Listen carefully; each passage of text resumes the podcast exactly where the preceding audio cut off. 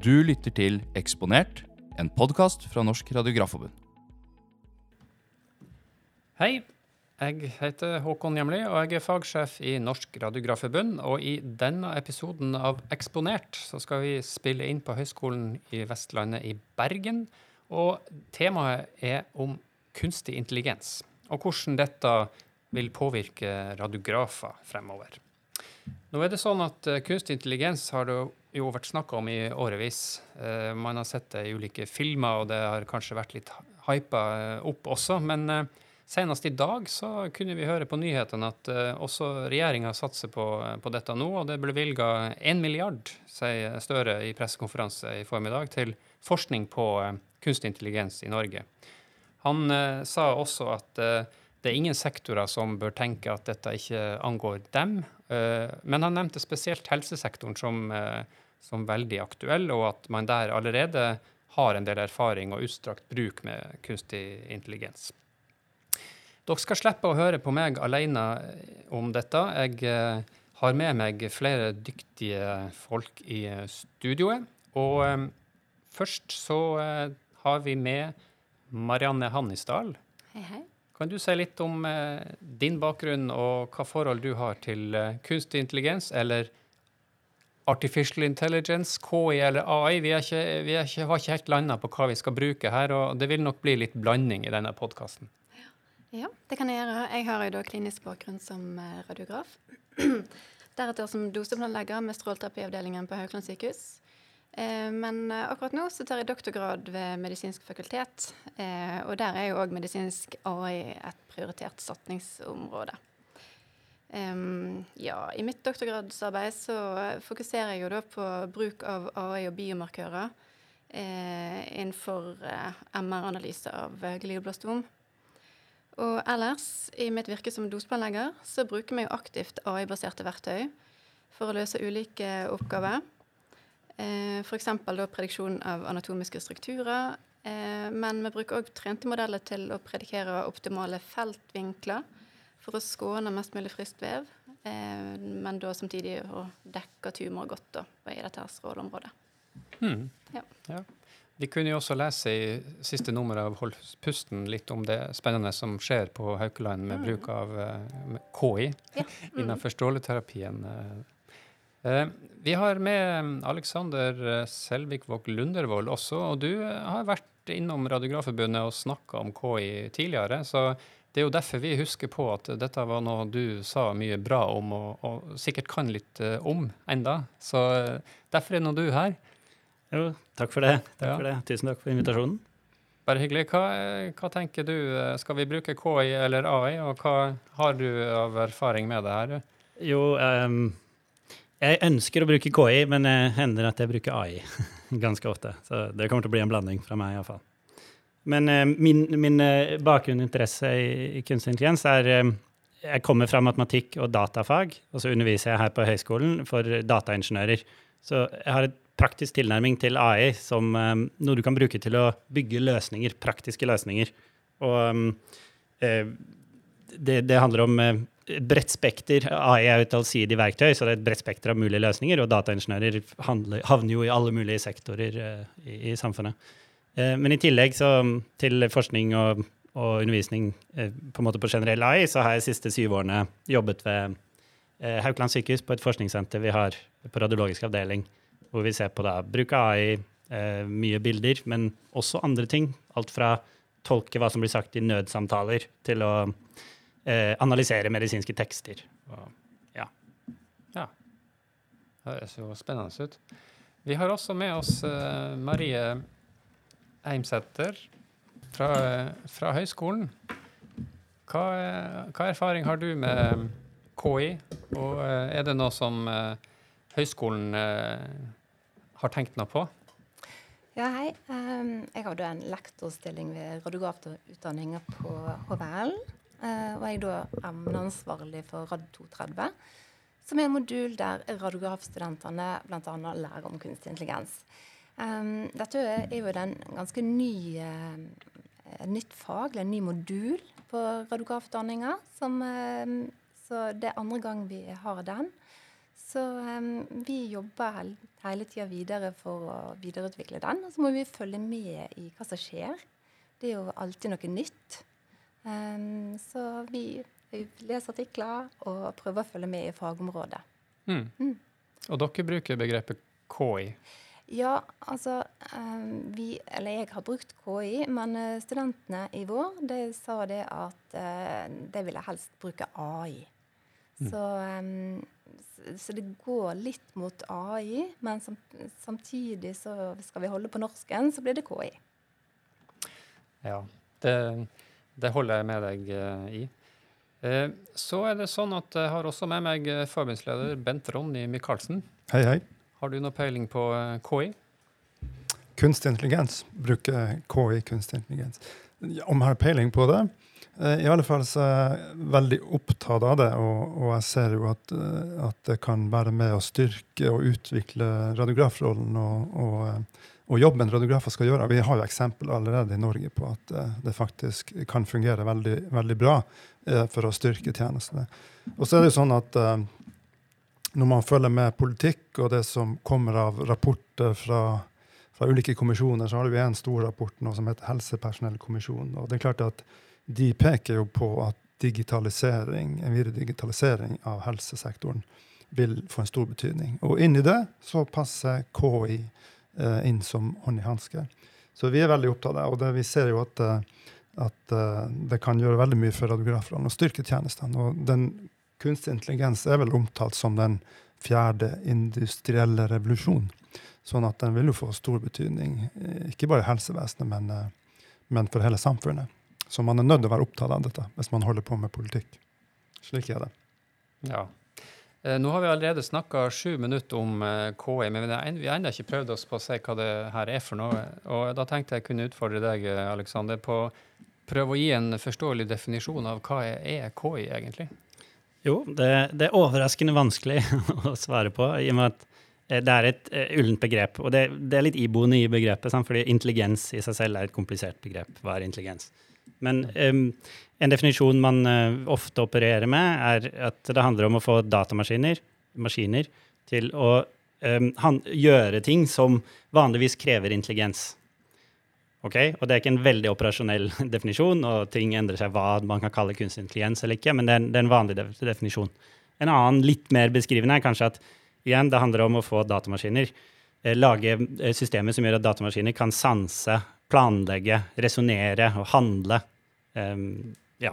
Så det er også en måte å definere det på. Men igjen, litt ullent. Mm. Hvordan er det ute blant eh, radiografer og stråleterapeuter som jobber klinisk? Er det mye snakk om dette med kunstig intelligens? Og har du noen oppfatning av hva dine kollegaer eh, kan om dette, og hva de tror om det? Ja, hva de kan om det. Altså, Vi har jo lært oss å forholde oss til det, for vi bruker jo veldig mye som er AI-basert. Em, jeg er ikke sikker på om det alle på en måte forstår algoritmene og modellene bak det, men vi har i hvert fall lært oss å eh, kjenne igjen styrker og svakheter ved de prediksjonene som disse her AI-modellene gir oss. Gjennom bruken, da? Eller? Ja, ja. for vi ser at det, en kan ikke stole eh, blindt på Ja. det som eh, en sånn modell ønsker å foreslå. Du må fortsatt bruke din egen intelligens og, eh, til å vurdere opp mot veldig mange variabler som er aktuelle innenfor en, en pasientbehandling. Så mm, Så, så det du sier, er at AI gjør feil? absolutt. AI er et veldig KI. KI? Ja. AI. Eh, veldig, veldig fint verktøy, men som alle andre verktøy så har det sine begrensninger. Eh, og det er ikke noe problem så lenge vi har kunnskap om hvordan vi skal håndtere dette her. Men, eh, men dette er noe som dere har hatt noe opplæring i internt før eh, det er tatt i bruk, da, og, og at man er gjort oppmerksom på at det kan forekomme feil? Absolutt. Når vi får opplæring i bruk av disse her eh, AI- eller KI-baserte eh, modellene, eh, så er jo en veldig stor del av opplæringene hvordan en skal forholde seg til disse ulike forslagene som, eh, som disse her maskinene kommer med. Eh, altså det som er litt spesielt innen stråleterapi, er at dette her med inntegning av anatomiske strukturer det er jo en absolutt forutsetning for å kunne gi en, eh, en trygg behandling. Og um, da har vi jo uh, stadig nyere maskiner, og veldig, vi har en veldig oppdatert maskinpark på Haukeland. Um, så der vi kan ta i bruk daglig adopsjon, faktisk. Altså en daglig tilpasning av behandlingsplanen til pasienten basert på hvordan de anatomiske strukturene har endret seg da, fra i går til i dag. Sånn at vi kan gjennom mer presis behandling. Men alt må være kontrollert, og det blir justert og validert av fortsatt menneskelige ressurser. Mm. Det høres jo betryggende ut, Bent Ronny. Ja, det vil jeg si. Og det er klart at Vi har sett noen som er bekymra for fremveksten av kunstig intelligens og at det tas i bruk i sykehusene. Men poenget er at man har brukt noen systemer i lang tid, og så er det en stor utvikling på gang. da, Og vi har nok med å følge med, tenker jeg. Men det er klart at den juridiske i helsepersonellovgivninga, i sykehuslovgivninga, der er det ingen endringer. Sånn at uh, ansvaret ligger akkurat der du sier det skal ligge. Det ligger hos helsepersonell. Og hele poenget er jo at uh, dette er systemer som man bør tenke skal gjøre helsepersonell bedre, øke kvaliteten. Men ansvaret må ligge hos den, det enkelte helsepersonell, sånn som jeg ser det. Men jeg tenker, det har jo vært skrevet mye om AI eller KI, og hvor fantastisk flott uh, det kan fungere i ulike sammenheng. og er det ikke en fare for at man uh, stoler litt for mye på dette, at det kanskje blir en uh, slags sovepute for mange, og, og dermed at man blir litt kan man kalle det, avslappa i forhold til behovet for egen kompetanse? At det blir den nye kalkulatoren, og at man slutter med hoderegning? Hva, hva tenker dere om det? Jeg tror absolutt det er et problem, og det er et ganske fundamentalt problem som er mye studert. Um, når du har maskiner som inngår liksom i en beslutningsprosess, eh, som skal på en måte bistå til menneskets til syvende og sist beslutning om et eller annet, eh, så påvirkes mennesket i dette bildet ganske ofte av maskinene. Det er noe som heter f.eks. automatiseringsbias. At uh, du, du, får uh, et output av maskinen, av KI-en, um, og så skal du bruke det inn i din beslutningsprosess, men du kan fort lene deg for mye på det hva maskinen sier, uten å helt uh, være klar over det eller for lite. Ja, At du blir mer eller mindre ubevisst påvirka? Ja, og dette er studert opp og ned i mente, og det er et egentlig ganske fundamentalt problem. Det var et nylig studie nå som konklusjonen oppsummert var eh, ofte er det best at eksperter jobber ved siden av AI og ikke sammen med AI. Mm. Altså ved siden av, ikke sammen. Noen ganger skal AI ta hele beslutningen, noen ganger mennesket hele beslutningen. Ikke samarbeide, var konklusjonen. Og det var et studie innenfor radiologi. da. Ja, ja vi, eh, vi, vi, venter jo litt på at man skal få litt mer eh, klinisk erfaring med bruken eh, på pasienter fra vårt ståsted. Vi vet jo at det er satt i gang spennende ting her, bl.a. i Vestre Viken. Så vi, vi, tenker jo at vi skal ha en til episode om kunstig intelligens etter hvert, når vi får høsta litt mer erfaring. Og da vil det jo være lurt å følge opp det du sier her nå. Hvordan fungerer det her i praksis? og er det sånn at uh, radiografen og kunstig intelligens presterer bedre enn uh, en man gjorde alene? Uh, og har man eventuelt erfart noe skjær i sjøen her, og kompetansebehov som, som, må dekkes? vi, vi har jo fra vårt ståsted Radiografforbundet sagt at dette må utdanningen ta inn over seg. At man trenger inn kompetanse på ny teknologi som kunstig intelligens. Eh, men nå er det vel sånn at mange av de nye radiografstudentene kan vel allerede mer om eh, digitale duppeditter og kunstig intelligens enn mange som har jobba noen år på utdanninga. Eller hvordan er dette, Marie? Det stemmer nok det.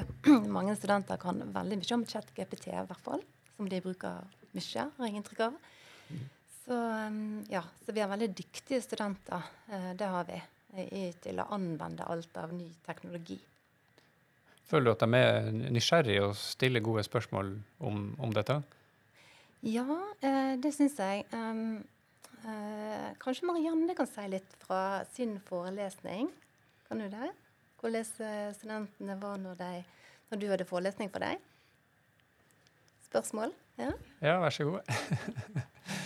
Jeg kan jo nevne i mellomtida at jeg hadde jo et møte med de ferske radiografstudentene ganske nylig, og i den presentasjonen så hadde jeg litt om kunstig intelligens eh, også. og da da kom det fort et par spørsmål som jeg omtrent ble svar skyldig på. Så det er derfor jeg spør litt her også. Ja, altså um, jeg foreleser de om bruk av kunstig intelligens i forhold til bildeanalyse, eh, så er det jo eh, på en måte veldig Kanskje litt mer sånn rett straight forward i forhold til eh, eh sånne språkmodeller. Sant? Fordi at med de språkmodellene som f.eks. ChatGTP, så vet du jo aldri hvor de tar informasjon ifra. Du har ikke noe kilde, liten mulighet til å kontrollere kildene. Mens når du har et, um, altså et bildesett med MR-bilde, f.eks., så har du de signalintensitetene som er representert i de ulike vektingene. Og det er det, det, er det som er sannheten din. Mm. Eh, sånn at eh, jeg opplever at det er kanskje litt eh, Kanskje litt enklere å forstå kunstig intelligens altså den analysebiten, da, når det blir mm. så konkret og så kvantitativt. Eh, så i forhold til hva spørsmål studentene stilte meg, eh, så eh, ja, det virker som at de tok det ganske greit, altså. Jeg syns at eh, det var ikke noe sånn det var ikke noe sånn kontraintuitivt for deg eh, å forholde seg til den måten å studere bilder på. Tenker, tenker de at uh, kunstig intelligens vil få uh, stor innvirkning på deres situasjon i arbeidslivet og deres rolle i arbeidslivet? Eller er det litt sånn litt uh, ullent? Ja, Det er jo vanskelig for meg å svare på hva de, hva de tenker, men det, det, ligger vel litt grann, Ligger det ikke litt i luften? Mm. At dette her, kom, dette her er et paradigmeskifte. Ja. Dette her er noe som, som, gjør at vi alle sammen må forholde oss til virkeligheten eller til eh, behandling av data. Mm. Altså, det er jo det som er i hovedsak hvordan vi håndterer dataene våre, mm. eh, vil forandre seg. Mm. mm nå er, jo, eh, nå er, det jo, sånn at kunstig intelligens kan være ganske mye forskjellig. Eh, man snakker jo også om dette med deep learning, eller systemer som, som blir bedre og bedre. Eh, men det er jo ikke det vi bruker i helsetjenesten i dag. Eh, Alexander. Det er vel ganske så forutsigbare system vi bruker nå? Um, ja, altså, det som er tilfellet, er at kunstig intelligenssystemer som skal uh, brukes i helsevesenet, de er fryst, dvs. Si de er ferdig trent, de er ferdige å lære. Og du kan ikke fortsette å trene systemet på nye data. Så, så sånn sett, ja. Men um, faktum er også at alt, når vi sier kunstig intelligens i dag, når vi snakker om ChatGPT, når vi snakker om tolkning av røntgenbilder på Vestre Viken, når vi snakker om uh, stråleplanlegging, alt det der, uh, fundamentalt sett så er det bygget på det som heter maskinlæring. Og faktisk spesifikk dyplæring. Så alt dette er egentlig dyplæring. Når vi sier kunstig intelligens, så kan du godt erstatte det med ordet, ordene dyplæring. Så de er trent, disse modellene, på et eller annet materiale, men de er frøse eh, før du kan på en måte bruke de da, i praksis. Det er ikke lov å trene videre. Mm. En liten eh, kommentar til den biten der. Det er en sannhet med modifikasjoner, det som du sier. fordi at eh, nettopp i stråleterapi og doseplanlegging, eh, der eh, trener vi en modell eh, som vi bruker til da, å predikere nye og bedre doseplaner. Og så eh, bruker vi de, det forslaget som eh, modellen kommer med, da, til å løfte doseplanene enda høyere opp. Og etter hvert som vi har brukt dette her en stund, så har vi et enda bedre materiale som vi kan trene opp modellen i versjon 2. Og det er nettopp eh, det er sånn vi har gjort det da, på strålterapiavdelingen på Haukeland. Spørsmål til det. Eh, krever det at du som doseplanlegger har en aktiv tilnærming til hva, hva som eh, faktisk systemet foreslår? Da, at du på en måte lagrer det i et eller annet slags minne også i ditt eget hode? Eller er det systemer som tar hånd om dette her? Eh, når vi skal velge ut hvilke doseplaner som skal inngå i treningsmaterialet, mm. så, eh, så bruker vi jo altså det som er dosehistograminformasjon, da. Altså de, I de planene der vi har oppnådd veldig gode resultater, eh, der du har veldig god tumordekke, og der du har klart å spare disse risikoorganene i, i, god grad, de blir da selektert ut til å, å være med i det nye treningsmateriellet. Av, av helsepersonell ja, som selekterer? Ja, absolutt, ja, nemlig. Ikke mm. sant? Ja. Input. Mm. Ordentlig intelligens. Input. Ja, jeg skulle bare si meg enig. Selvfølgelig, du kan oppdatere systemet. Det kommer nye eh, løsninger der ute. ja. Det er et viktig poeng som du, Marianne kom med. Eh, men poenget er at dette er ikke systemet som kontinuerlig trenes. Det kommer en ny versjon etter du har samlet et nytt treningsmateriale, kanskje en ny maskinlæringsmodell i bunn, eh, og så lager, slipper du en ny versjon av løsningen. ja. Så det er viktig. Det blir bedre og bedre, men det er litt sakte. Ja, ja. Men det er, vel et, det er vel det som er poenget, at du, da vet du hva du får, i større grad enn at du på en måte har noe, et system som trener as we speak. ikke sant? Mm. Sånn som jeg tolker det. Og jeg tror du sa noe veldig viktig med det, at det er mennesker i loopene her. Og definitivt. Dette er det som kalles maskinlæring. Noen har instruert maskinen hva skal være riktig svar her. Og de noen, det er mennesker, eller et konsensus av mennesker, typisk. Ja. Altså ordentlig intelligens Ordentlig versus uh, kunstig intelligens. Ja. Mm. Det er betryggende, tenker jeg.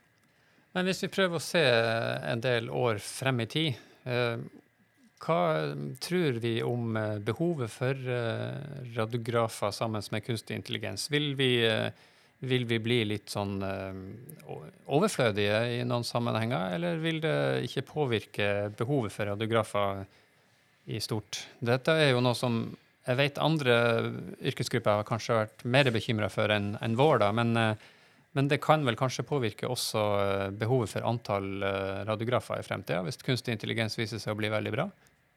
Er det noen som har tenkt noe over det? Eh, for vår del, eh, altså innenfor stråleterapi, så har eh, kunstig intelligens bare medført flere arbeidsoppgaver for radiografer eller stråleterapeuter. Og dessuten en, en skifte i, i ansvarsoppgaver. Eh, av at når du har muligheter for å gjøre en daglig tilpasning av stråleplanen, så må du faktisk forholde deg til den stråleplanen hver eneste dag. Der du før bare lagde en plan som pasienten skulle få eh, fordelt over fem uker. Mens nå må vi faktisk ta stilling til alle pasientens indre strukturer hver eneste dag, justere på de ehm, og eh, validere de. Det er ikke ressursmessig gjennomførbart at en onkolog er til stede under alle disse her vurderingene. Så derfor så må en da trene opp eh, stråleterapeutene til å både ha nok kjennskap om anatomien til å klare å definere de, eller, eller kontrollere at maskinen definerer de på riktig måte. Og eh, har da fått beslutningsmandat til å kunne gjennomføre behandlingen med de justerte eh, strukturene. Sånn at eh, for vår del så tror jeg ikke at det vil bli behov for færre menneskelige ressurser. Men det du sier der, er jo at uh, stråleterapeuten uh, har jo en enda Hva jeg skal si mer, Enda mer interessant hverdag enn tidligere. Men man skulle kanskje tro at når man tok i bruk denne teknologien, så ble det mer og mer automatisert, og at det kanskje ble litt kjedeligere. da. Men, uh, men det er jo ikke det som har skjedd, da, tvert imot. Nei, vår erfaring er at pga. at vi har fått eh, dette virkeverktøyet, så kan vi tvert imot da- altså, Da har vi på en måte og ressurser til å eh, forholde oss til mange flere eh, strukturer innen eh, kroppen til pasienten. Og eh, vi kan dermed løfte kvaliteten og Mm. behandle pasienten med en høyere presisjon enn før. Alexander? Jeg tror generelt så må man skille mellom to former for bruk av kunstig intelligens. Du har den typen kunstig intelligens som bare direkte tråkker inn på beitet til en erstatter en oppgave som gjøres av mennesker. Ok, Det fins eksempler på det. Men det som er mer interessant, og kanskje mer interessant for fremtidens medisin, er kunstig intelligens som gjør deg i stand til å gjøre nye ting. Og gjøre ting bedre. Så den erstatter ikke en eksisterende prosess, men gjør nye ting mulig, sånn som du er inne på nå. Um, og, og der, det er nok det som må til for å løfte helsevesenet liksom, til neste nivå. Det, vi må kunne gjøre bedre med kunstig intelligens. Og da er det jo ikke erstatte noen, det er det å eh, gjøre mulighetsrommet større. Da. Mm. Det er jo også, eh, det også eh, oppsummeringa til de store internasjonale radiografforbundene òg, at eh, man ser en mulighet til å gjøre bedre Til å høyne kvaliteten i, i arbeidet som radiografer og stråleterapeuter gjør, og at man også kan jobbe mer effektivt. Men eh, det er ikke så mange år siden jeg hørte radiologer sier det at eh, de trodde at det var eh, mindre behov for sin egen yrkesgruppe i fremtida fordi at AI var så bra, og det kom til å ta jobbene ifra dem. og man mente at man var som en eh, prærieulv som hadde løpt over stupet og enda ikke sett ned, så man måtte slutte å utdanne flere radiologer. Men den pendelen har jo også snudd. Jeg ser jo at de òg sier det samme som det vi, eh, eller det dere sier her nå, at eh, dette er beslutningsstøtte som, som vi skal jobbe sammen med, og, og kunne gjøre en bedre og mer effektiv eh, jobb. da. Eh, men jeg tenkte Det har vært snakk litt om at radiografer må forberede seg på, eh, på kunstig intelligens, og vi må ha kompetanse om det. Men det hadde vært kjekt hvis noen klarte å si noe her om hva er det egentlig konkret radiografer bør kunne om det her, da, for å kunne jobbe med det? Noen som uh, drister seg frampå? Jeg kan driste meg fram på hva jeg tror nesten alle yrkesgrupper bør, bør kunne om det. Så du har et minimum her som jeg tror gjelder de, fleste. Du må vite eh, litt grunnleggende om de prinsippene som ligger bak å bygge kunstig intelligensbaserte løsninger, sånn som maskinlæring. Sånn som å forstå at dette er løsninger trent, bygget på et datamateriale, et eksisterende materiale, hvor mennesker har kvalitetssikret, som vi var inne på. Um, uh, men da må du også forstå at i motsetning til annen type programvare, som dette til syvende og sist er, så blir datamaterialet du bygger kunstig intelligensen din på, den blir en del av programmet. Så hvis du endrer på datamaterialet, så endrer du oppførselen til løsningen til slutt. Og det er ganske fundamentalt annerledes enn en annen måte å lage programvare på.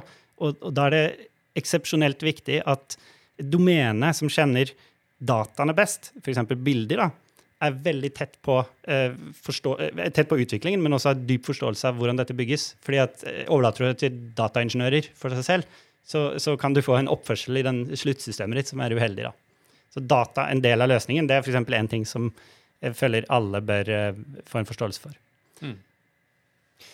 For mange år siden så, så jobba jeg i mammografiprogrammet, og da begynte det å komme sånt her system som heter CAD, som var sånn her Eh, tydehjelp for, eh, for mammoradiologer for å finne eh, suspekte ting i mammografibilder. Det var ikke basert på kunstig intelligens, men det var jo avhengig av at dataen og programmet var laga for de det skulle brukes på.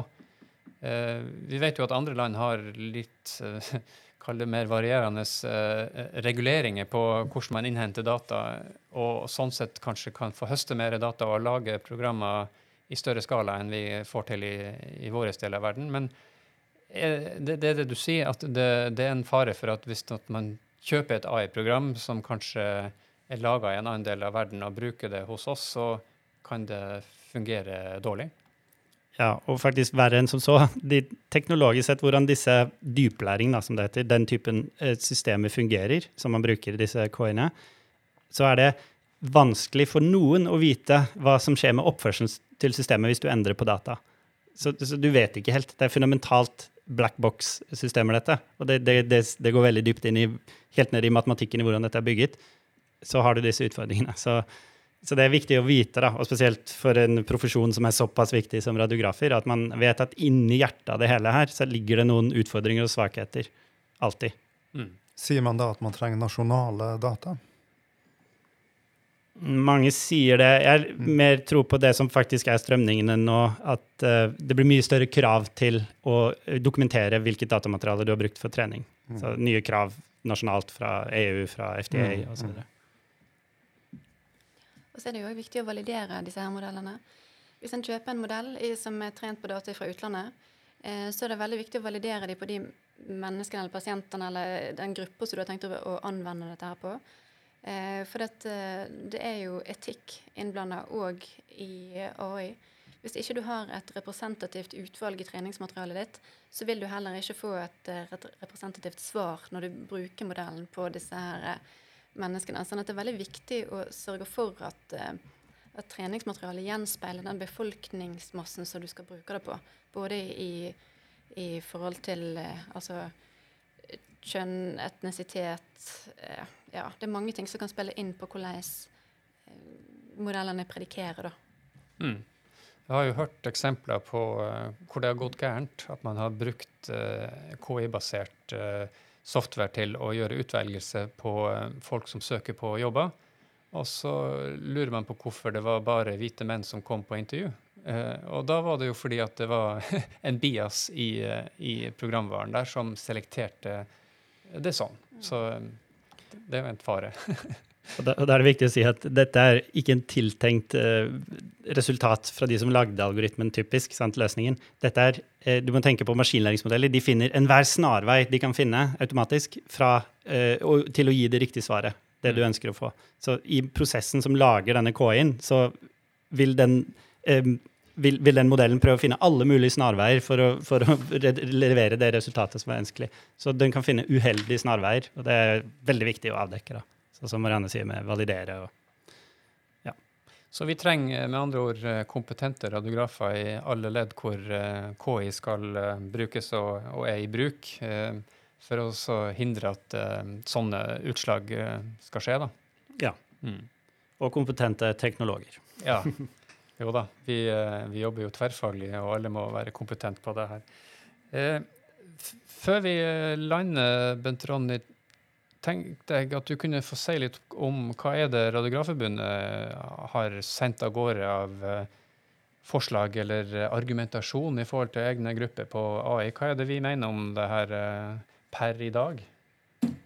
Vi har sendt noen titalls sider, så jeg skal prøve å være kort om det. da, Men, men jeg syns jo eh, overordna så er det jo nærmest eh, som fløyel å høre noe av det som sies fra, fra stråleterapi, og det som faktisk skjer. Og Det er jo sånn, eh, det har vært utdanna radiografer i 54 år eller noe sånt i Norge. Og hele grunnlaget for profesjonen er jo teknologisk utvikling og det som skjedde i 60-70-årene og utover 90-tallet ikke sant, med CTMR og og det ene med det andre. Sant? En stor teknologisk utvikling. Så Som gruppe så vi jo, har vi tatt i bruk det som kommer. Så jeg tenker vi kommer til å ta i bruk eh, kunstig intelligens også i alle våre tjenester. Det er klart at eh, Radiografer har jo eh, eh, har den der mellom menneske og maskin, som man sier. Man, man jobber med pasienter. Og der er mange ikke-rasjonelle oppgaver, som man sier, som på en måte inngår i tjenestene bildediagnostikk og stråleterapi. Altså behandling av henvisninger, behandling av pasientinformasjon, eh, vurderinger og um, få inn data fra lab osv. som må sammenstiller. Så det er klart at dette kan KI hjelpe oss med. Det kan også tenkes at, at det hjelper oss med å kunne gjøre fornuftige prioriteringer. Sette opp kontroller. Så det er mange datatekniske hjelpemidler som man kan tenke seg at KI kan gjøre noe med. Og så, så Den lista er nærmest uendelig. Og vi har sikkert eh, Jeg regner med at det kommer muligheter å, å dukke opp eh, perspektiver som ikke vi har sett. Det regner jeg med. Um, men det er klart at dette er sånn som vi spiller inn, og vi ser jo på en måte overordna at, eh, at eh, kunstig intelligens og videre digitalisering, som vi sier, digitalisering, som vi sier, det, det vil kunne styrke tjenestene. Og det er klart at eh, når Helsepersonellkommisjonen sier at eh, færre hender, skal, hender i framtida skal gjøre mer, så er ikke det så veldig hyggelig å, å høre fra brorparten av helsepersonell. Men det er klart at vi tenker da at digitalisering, kunstig intelligens, det kan være en av løsningene som på en måte kan frigi og i hvert fall effektivisere eh, pasientforløp og, og tjenestene. Og vi ser jo det som et godt eksempel i, i som Aleksander Alexander nevner, uh, Vestre Viken, og, og at de faktisk pasientene får svar på direkten. Og det er en, uh, det er en stor, uh, stor forbedring. Mm. Så det er sånne ting som vi annet spiller inn, da. Ja, og så, eh, så jobber vi jo eh, kontinuerlig med temaet, og vi ønsker jo å få inn eh, ressurspersoner til å hjelpe oss med det i arbeidet fremover også. Så vi holder jo på å stable på beina ulike faggrupper på, eh, på eh, aktuelle områder, og IKT er absolutt et sånt område hvor vi trenger kunnskapsrike radiografer til å hjelpe oss på. Så der var invitasjonen. Nå har vi kommet til veis ende i podkasten. Bent Ronny, skal vi gå inn for landing? Ja, skal vi det? Dette var jo veldig interessant. Vi kunne holdt på en halvtime til. kunne vi ikke det? Jo, vi kunne holdt på i timevis, men uh, Men det er vel hvis- sånn at vi har skissert noe tid her for de som deltar. Ja, det har vi. Og så har vi også tenkt at dette blir uh, det flere episoder om, om ikke Ja. så altfor lenge. For eh, jeg tror ikke det her er en hype, og at det blir å gå over. Jeg tror dette er noe som kommer til å involvere oss i stadig større grad fremover. Så dere har vært veldig sporty som torde å stille opp eh, og diskutere et så eh, vanskelig tema, vil jeg si. Eh, det takker vi dere for. Og så håper jeg at vi kan snakke sammen om temaet ved en senere anledning også. Takk for oss. Tusen takk. Takk, takk. Vil du vite mer, finner du oss på radiograf.no og på sosiale medier.